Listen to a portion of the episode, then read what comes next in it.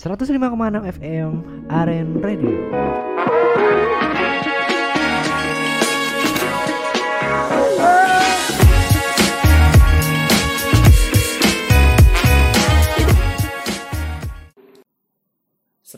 enam FM, Aren Radio, siaran praktikum komunikasi Sekolah Vokasi IPB.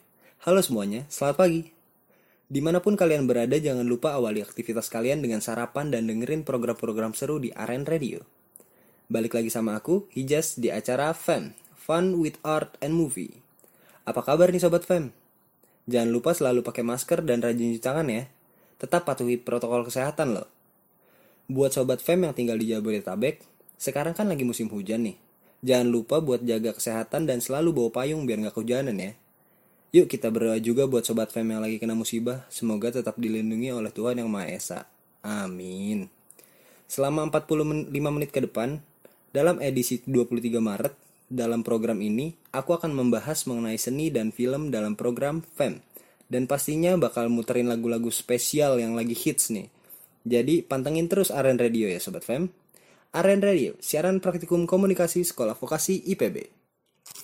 105,6 FM Aren Radio.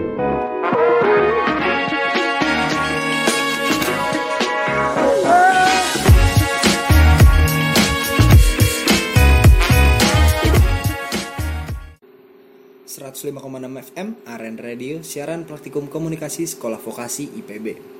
Oke sobat Fem, selama pandemi ini kan kita diwajibkan buat beraktivitas di rumah terus ya. Tentunya kalian bosen dong.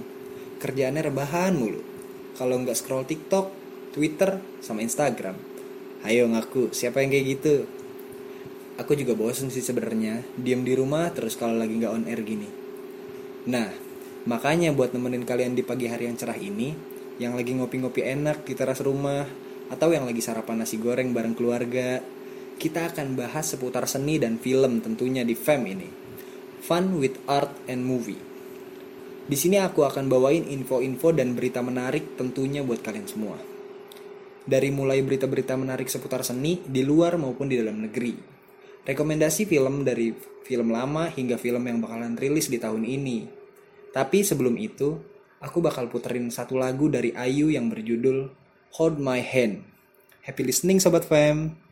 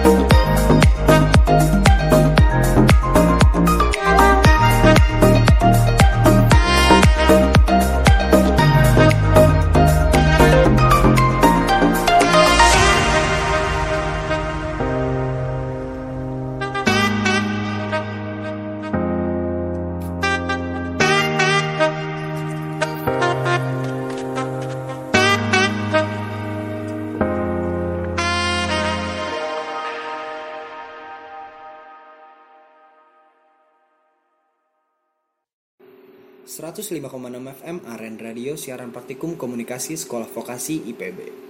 Balik lagi sama aku di FEM, Fun with Art and Movie. Gimana nih buat lagu yang tadi? Bikin kita enjoy banget kan di pagi hari yang cerah ini? Oke, di segmen kali ini kita akan bahas berita seni yang menarik dan viral di sosial media nih Sobat FEM. Ngomong-ngomong soal seni, selama pandemi ini Sobat FEM ada yang buat seni gak sih di rumah? Lumayan kan buat ngilangin rasa bosan kalian di rumah? Oke, kita langsung pindah ke pembahasan aja ya. Yang pertama, ada seniman bernama Edi Suranta Ginting yang mengubah sampah plastik menjadi lukisan. Wih, keren banget ya Sobat Fem. Kisah inspiratif beliau ini sempat viral di berbagai sosial media loh. Diketahui satu lukisan yang dia buat sekitar 3 minggu lamanya. Bisa mencapai puluhan juta rupiah loh. Keren abis kan? Sobat Fem pasti nggak nyangka dong Ternyata sampah plastik yang biasa kita buang gitu aja bisa jadi karya seni dengan harga jutaan rupiah. Siapa nih kira-kira yang mau nyoba lukisan kayak Pak Edi ini? Oke, yang kedua ada seniman viral di TikTok namanya Fauzi Hidayat Putra Mukti. Dia membuat lukisan dari lakban. Wih, emang bisa ya? Keren banget nih Sobat Fem. Pria asal Yogyakarta ini menggunakan lakban, mika bening, dan pen cutter buat membentuk lukisan dari lakban tersebut. Oh iya Sobat Fem, seni yang Fauzi buat ini namanya tape art. Ada yang mau coba di rumah gitu? Kalau aku sih kayaknya bakal nyoba. Habis siaran ini, kebetulan lagi banyak lakban bekas belanja online. Sekarang kita beralih ke berita nomor 3. Ada empat seniman urban galang dana untuk membantu anak-anak pengidap kanker program Art Connect yang diinisiasi oleh Art Moment Jakarta dan Custom Collaboration ini membantu anak-anak pengidap kanker di bawah naungan Pita Kuning. Sebanyak empat seniman urban tanah air menyumbangkan karyanya untuk penggalangan dana dalam charity Art Print. Mereka menjual air print edisi khusus dan terbatas yang dijual di marketplace online. Menginspirasi sekali ya Sobat Fam Selain berkarya, mereka juga beramal. Buat Sobat Fem juga jangan bosan-bosan buat beramal dengan siapa pun ya. Oke, berita keempat ada makeup artis yang berasal dari Serbia membuat karya seni ilusi kulit. Wih, keren banget nih pasti. Siapa ya kira-kira? Yep, namanya Mirjana Kika Milosevic. Dia memiliki kemampuan merias tubuh yang unik. Tidak hanya wajah, dia juga kerap melukis tubuhnya menghasilkan ilusi optik yang luar biasa. Gimana? Keren banget kan? Gak cuman itu, dia juga membuat bagian tubuhnya tidak terlihat hingga bertransformasi menjadi berbagai karakter fiksi. Tidak ada ilusi optik yang tidak bisa dilakukan oleh Kika. Gimana? Keren banget kan? Oh iya Sobat Fem, Kika juga mendapat julukan sebagai skin illusionis loh. Keren banget nih. Bagi kalian yang penasaran, boleh banget nih buat kepoin Instagramnya si Kika. Kita lanjut buat berita yang terakhir. Etihad Airways mengubah bagian pesawat tua menjadi karya seni. Keren banget ya Sobat Fem. Maskapai penerbangan yang berbasis di Abu Dhabi, Uni Emirat Arab itu menyulapnya menjadi karya seni yang indah. Para seniman menggunakan gulungan karpet, juga kain usang, peralatan darurat, dinding samping, jendela, serta kursi dari kelas ekonomi dan bisnis untuk instalasi tersebut. Proyek itu dijelaskan sebagai alternatif ramah lingkungan dalam menangani limbah dibanding mengirimkan suku cadang pesawat lama ke tempat pembuangan. Gimana nih Sobat Fem? Keren banget ya, kreatif gitu. Oke Sobat Fem, kali ini ada yang mau lewat dulu nih. Pantengin terus Aren Radio, 105,6 FM Aren Radio, siaran praktikum komunikasi Sekolah Vokasi IPB. Eh, perut siapa tuh? Hehe, perut aku. Kamu lapar? Iya nih, di dapur nggak ada makanan. Mau beli keluar, tapi lihat tuh panas banget. Tapi lapar banget. Hari gini masih nahan lapar karena bingung. Di Gojek aja kali. Hmm, gimana caranya tuh? Gampang banget. Tinggal buka aplikasinya, terus pilih menu GoFood, cari restoran yang kamu mau, terus pilih makanan yang mau dibeli. Cobain deh. Wah, iya gampang banget. Gak usah panas-panasan, belum lagi ngantri di restorannya. Dengan Gojek, jalani hidup tanpa batas dan memudahkan hari-harimu. 105,6 FM Aren Radio.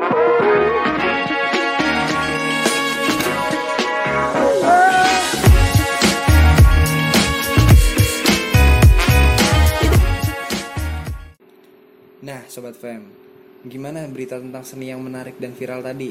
Sobat Fem udah pernah baca belum? Atau mungkin baru denger tadi? Gak apa-apa, berarti berita tadi cukup bermanfaat dong. Lanjut, kali ini aku mau bagi-bagi cerita tentang seniman Indonesia yang karyanya sudah mendunia nih. Kira-kira Sobat Fem tahu nggak siapa aja?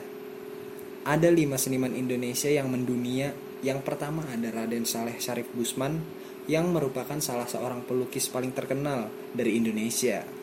Pergaulan yang luas mengantarkannya pada bangsawan dan keluarga kerajaan Inggris, Rusia, Austria, serta Belanda. Tak sedikit pula yang menganugerahkannya tanda penghargaan yang kemudian disematkannya di dalam dada.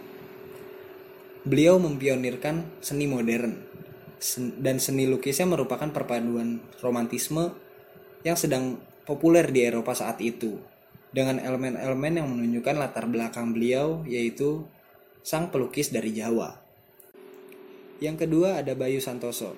Salah satu karya terbaiknya adalah berhasil memenangkan kompetisi desain cover album Maroon 5 dan mengalahkan banyak seniman dunia.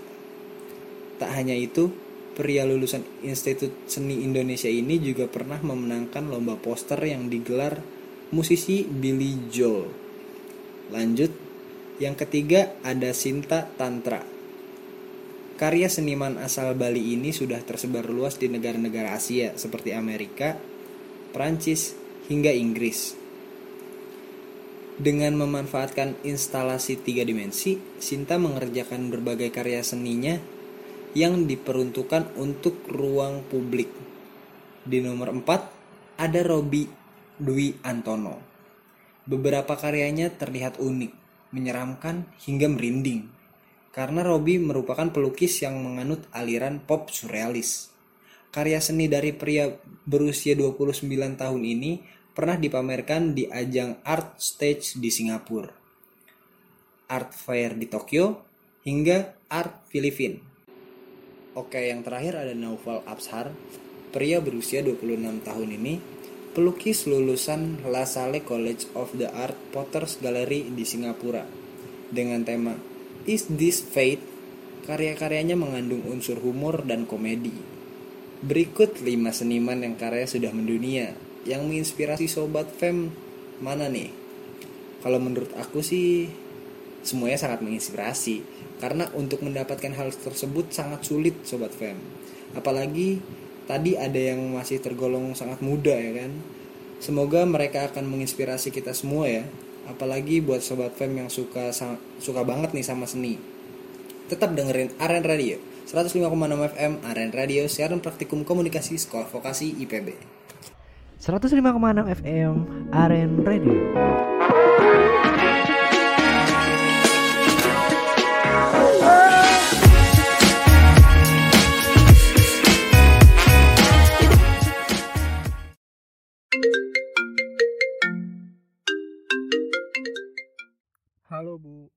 Kabar? Kabar Ibu baik. Semua di sini juga baik kok. Kamu gimana? Aku juga baik kok.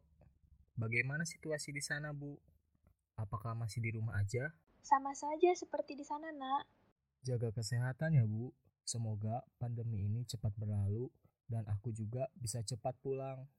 Iya, Nak. Yang penting kamu sehat terus dan tetap semangat ya.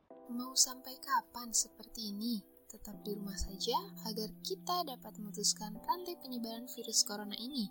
Sayangi dirimu dan juga keluargamu. Stay at home. Iklan layanan masyarakat ini dipersembahkan Sekolah Vokasi IPB.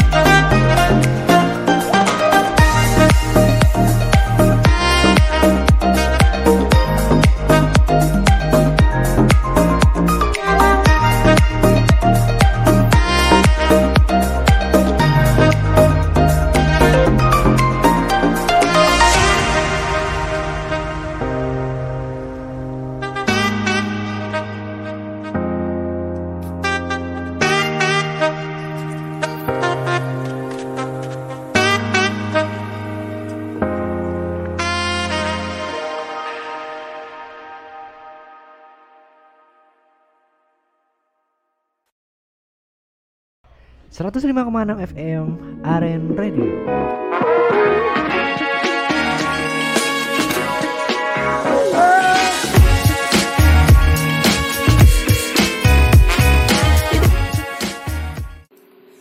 enam FM Aren Radio siaran praktikum komunikasi sekolah vokasi IPB. Balik lagi bareng Hijaz di sini.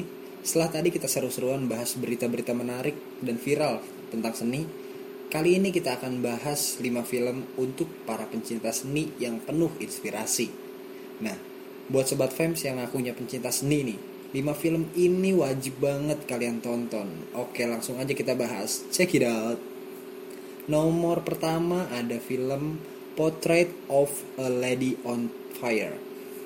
Film ini mengisahkan seorang pelukis muda dari Prancis sekitar abad 18 bernama Marianne yang harus melukis seorang calon pengantin keluarga bangsawan, yaitu Heloise. Sayangnya, Heloise tidak ingin berpose untuk dilukis dan dia juga tidak ingin menikah.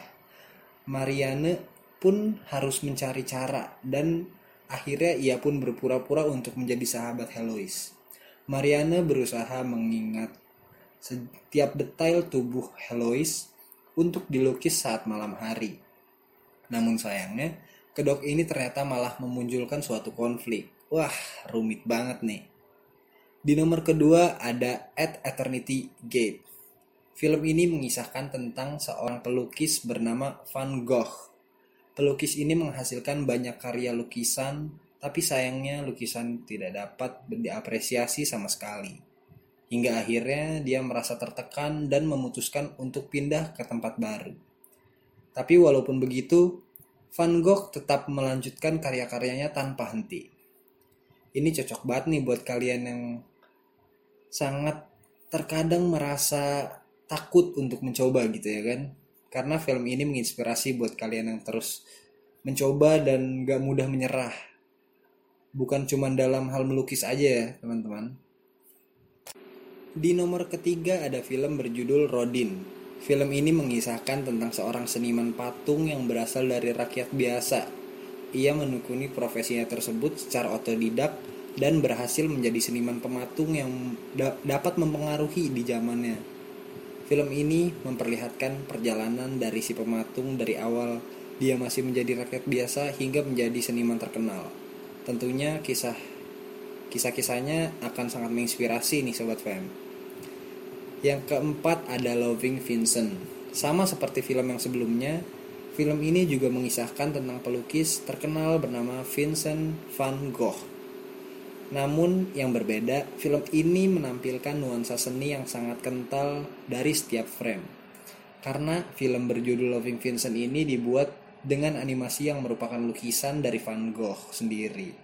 Wah, keren banget nih pasti.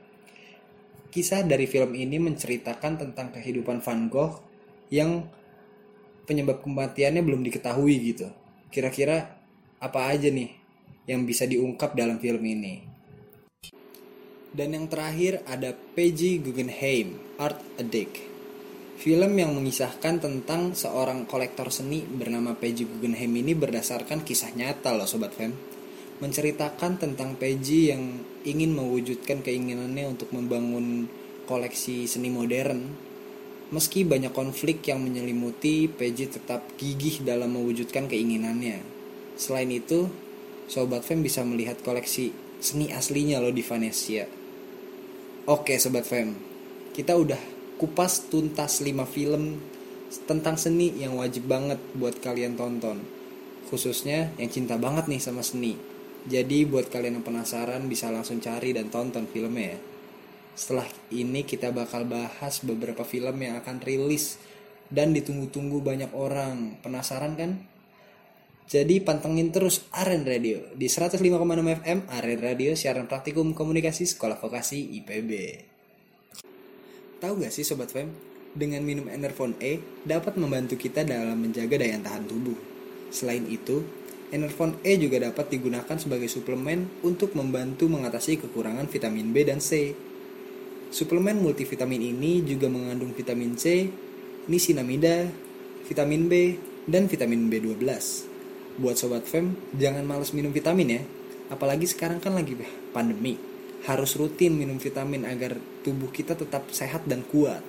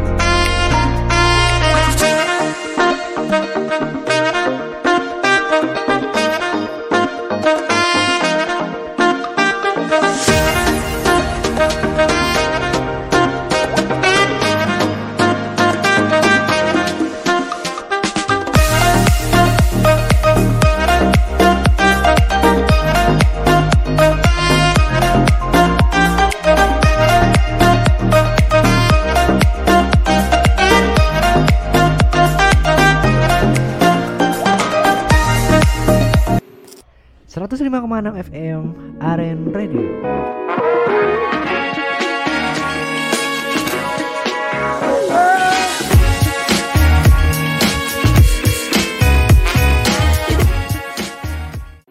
Seratus 105,6 FM Aren Radio siaran praktikum komunikasi Sekolah Vokasi IPB. Balik lagi bareng Ijaz di sini. Setelah tadi berbincang-bincang tentang film yang bernuansa seni dan tentunya nggak bikin boring. Di segmen kali ini aku bakal kasih tahu ke kalian beberapa film di tahun ini yang bakal rilis. Film-film ini sangat terkenal di kalangan remaja loh. Oke, tanpa basa-basi kita langsung aja ke film pertama. Check it out. Yang pertama ada film dengan judul Fast and Furious 9. Film ini disutradarai oleh Justin Lin. Menjadi salah satu film yang sangat dinantikan dari Fast and Furious pertama hingga 9 yang akan rilis. Film ini selalu memberikan tayangan yang membuat para penontonnya terhibur dan tidak membosankan sama sekali. Siapa sih yang tidak kenal dengan para aktor Fast and Furious ini?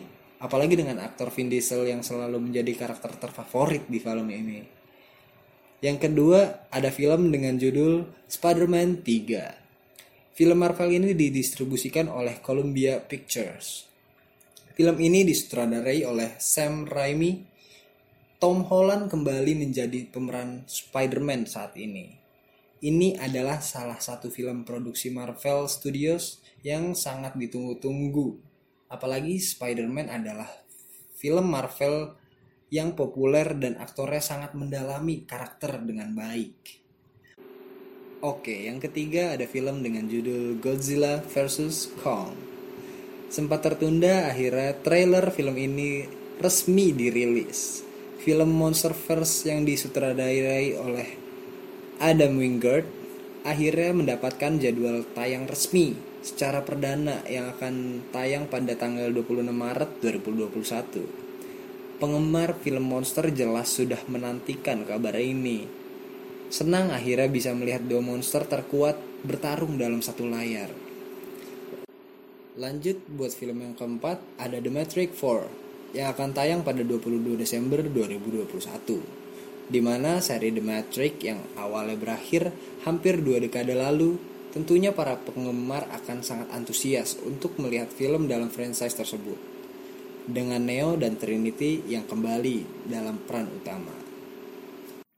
Yang kelima ada No Time to Die. Agen 007 James Bond menjalani kehidupan dalam masa pensiun dengan kekasihnya Madeleine Swan. Namun, setelah seorang ilmuwan hilang, dia ditarik kembali ke gaya hidup spionase untuk menghentikan penjahat misterius yang mengancam hidup manusia. Film James Bond kelima dan terakhir Daniel Craig, No Time to Die, seharusnya dirilis pada tahun 2020. Namun, dampak COVID-19 di industri ini menyebabkan film tersebut menunda tanggal rilisnya dua kali. Sampai sekarang ditentukan pada tanggal 2 April 2021. Nah, buat yang keenam ada A Quiet Place Part 2. Keluarga Abbott meninggalkan rumah keluarga mereka dan melakukan perjalanan melalui reruntuhan dunia yang disebabkan oleh monster-monster ini. Meski mengetahui kelemahan makhluk ini, mereka juga menemukan konflik baru antar manusia. Karena kesuksesan film pertama, John Krasinski kembali sebagai sutradara dan menulis untuk sequel ini. Emily Blunt, Michelle Simmons, dan Noah Jupe kembali berperan sebagai anggota keluarga Abbott, dengan Cillian Murphy bergabung sebagai pemeran utama. Awalnya film ini dirilis pada tahun 2020, namun kini A Quiet Place Part 2 dijadwalkan pada 23 April 2021. Sequel horor yang akan datang ini dianggap sebagai salah satu film horor yang paling ditunggu-tunggu untuk dirilis pada tahun 2021. Oke, di nomor 7 ada Ghostbuster Afterlife. Setelah sequel Ghostbuster 2016 yang mengecewakan, Waralaba kembali ke dasar seorang ibu tunggal dan kedua anaknya pindah ke kota baru di Oklahoma. Tetapi sedikit yang mereka antisipasi untuk melihat kejadian yang tidak biasa. Namun, mereka memulai membuka garis keturunan mereka dan menyadari bahwa mereka memiliki hubungan dengan Ghostbuster yang asli. Ghostbuster yang akan datang, Afterlife, memiliki pemain berbakat yang terdiri dari Carrie Coon, Finn Wolfhard, McKenna Grace, dan Paul Rudd. Terungkap sequel ini akan hadir di bioskop pada tanggal 11 Juni 2021 dan kemungkinan akan memberikan kode ke faktor nostalgia dan franchise komedi supernatural tahun 80-an. Di nomor ke-8 ada Space Jam A New Legacy. Beberapa penggemar Space Jam tahun 1996 menikmati menonton pemain bola basket legendaris Michael Jordan bekerja sama dengan Looney Tunes dan memenangkan pertandingan melawan alien karena kesuksesannya yang luar biasa. Penggemar berharap sequel yang selanjutnya akan terungkap di suatu hari nanti. Setelah menunggu lebih dari 20 tahun, keinginan penggemar ini akhirnya dikabulkan dengan Space Jam A New Legacy. Ikon terkenal LeBron James bekerja sama dengan Looney Tunes untuk menyelamatkan putranya, yaitu Brony. Dari algoritma jahat, AIG yang dimainkan oleh Don Cheadle.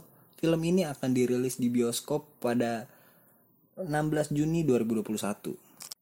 Di nomor ke-9 ada Mission Impossible 7. Serial Mission Impossible adalah salah satu franchise film yang secara mengejutkan menjadi semakin baik setiap filmnya.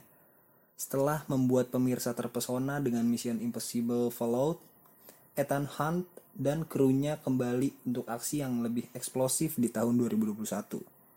Tom Cruise akan sekali lagi mengulangi perannya yang terkenal sebagai agen EMF Ethan Hunt. Dan film ini akan dirilis pada 19 November tahun 2021.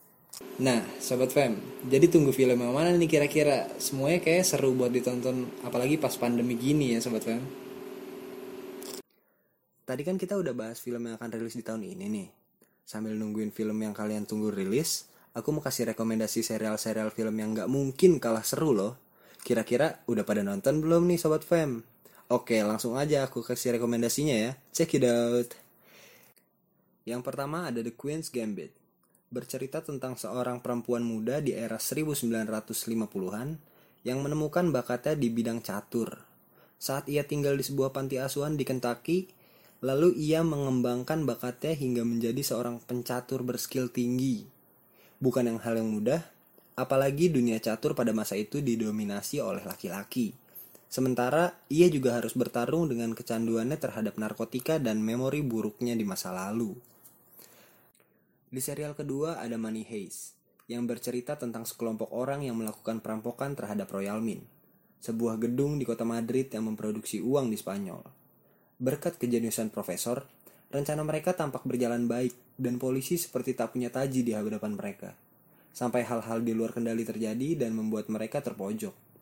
Series ini selalu menegangkan di setiap episodenya dan ceritanya yang sangat sulit ditebak loh Sobat Fem. Oke, kita lanjut yang ketiga, ada Peaky Blinders.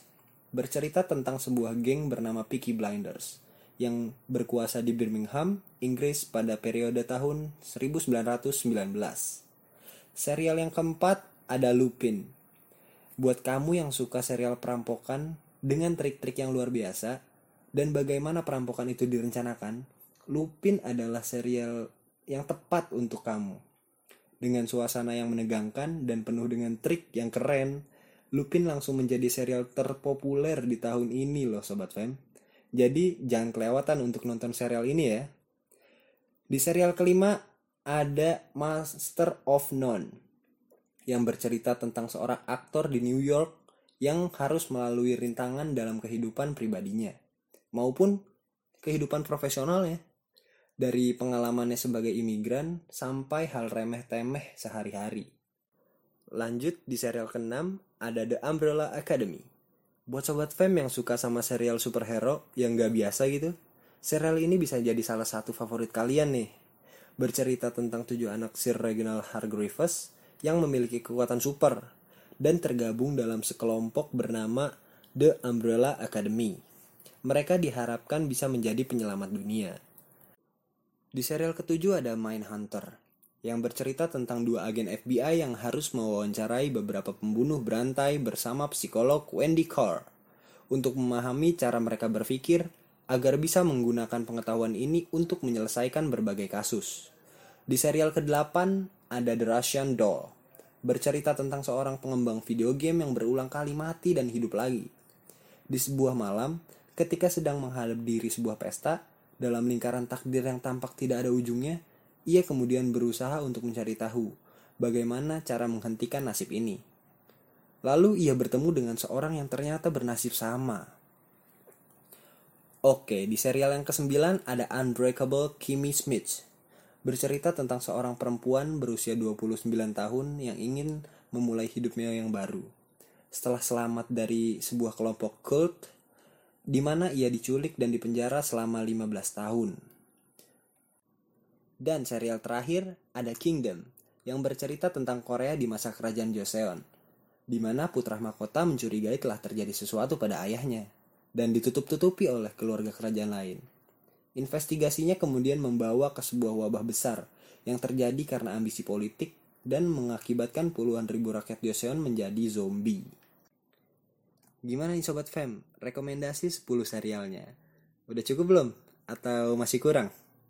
Jangan khawatir, karena aku juga bakal kasih rekomendasi buat Sobat Fam yang pencinta Korea-Korea nih. 10 drama Korea terbaik yang bisa kamu tonton di rumah.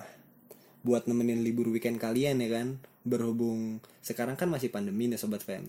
Belum bisa liburan, jadi ya liburan kita diganti sama nonton drama Korea nggak kalah seru loh. Tunggu apa lagi? Yuk langsung kita Check it out. Drama Korea yang pertama ada Reply 1998. Berbeda dengan dua serial sebelumnya, Reply 1998 hanya sedikit membahas tentang kultur pop Korea dan lebih kental dengan cerita persahabatan dan percintaannya. Drama ini jadi drama Korea terbaik loh sobat. Drama Korea yang kedua ada Signal, yang punya ide cerita menarik di balik sisi supranaturalnya jika pengetahuan tentang sebuah kasus dari dua lini waktu yang berbeda dipadukan untuk menyelesaikan berbagai kasus yang membingungkan, hasilnya adalah sebuah drama Korea kriminal yang menegangkan. Drama Korea yang ketiga ada Kingdom. Sukses membuat orang heboh, bahkan buat kalian penyuka drama Korea sekalipun, paduan thriller, karena kehadiran wabah zombie dan drama politiknya yang pas, durasi per musimnya tidak kepanjangan, dan acting semua karakternya yang luar biasa. Oke, lanjut drama Korea yang keempat, ada Voice. Sekilas Voice agak mirip dengan Signal.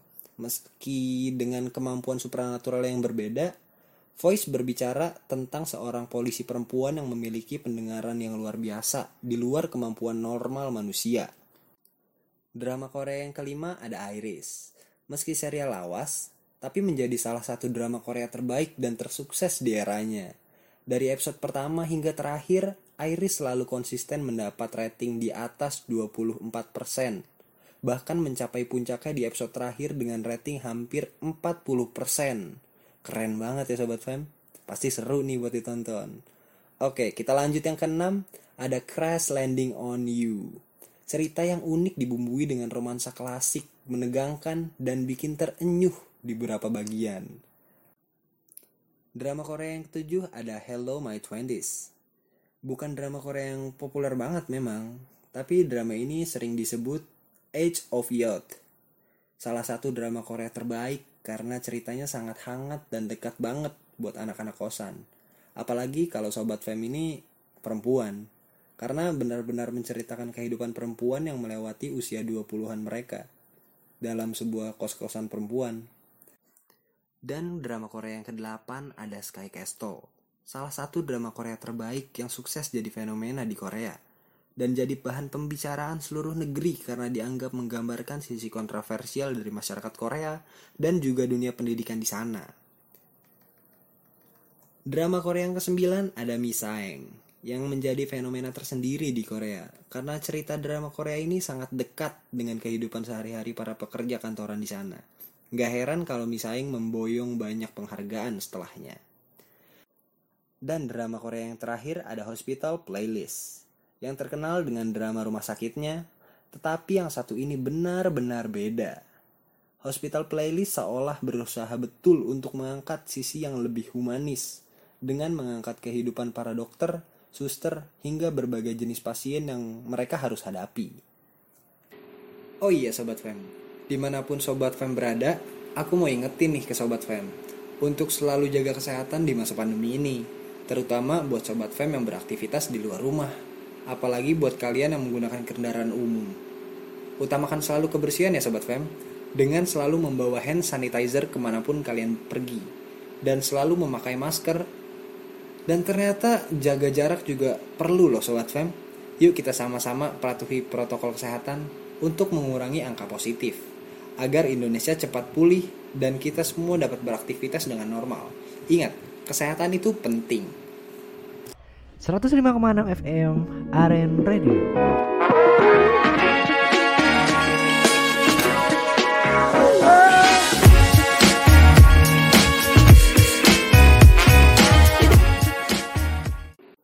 105,6 FM Aren Radio siaran praktikum komunikasi sekolah vokasi IPB.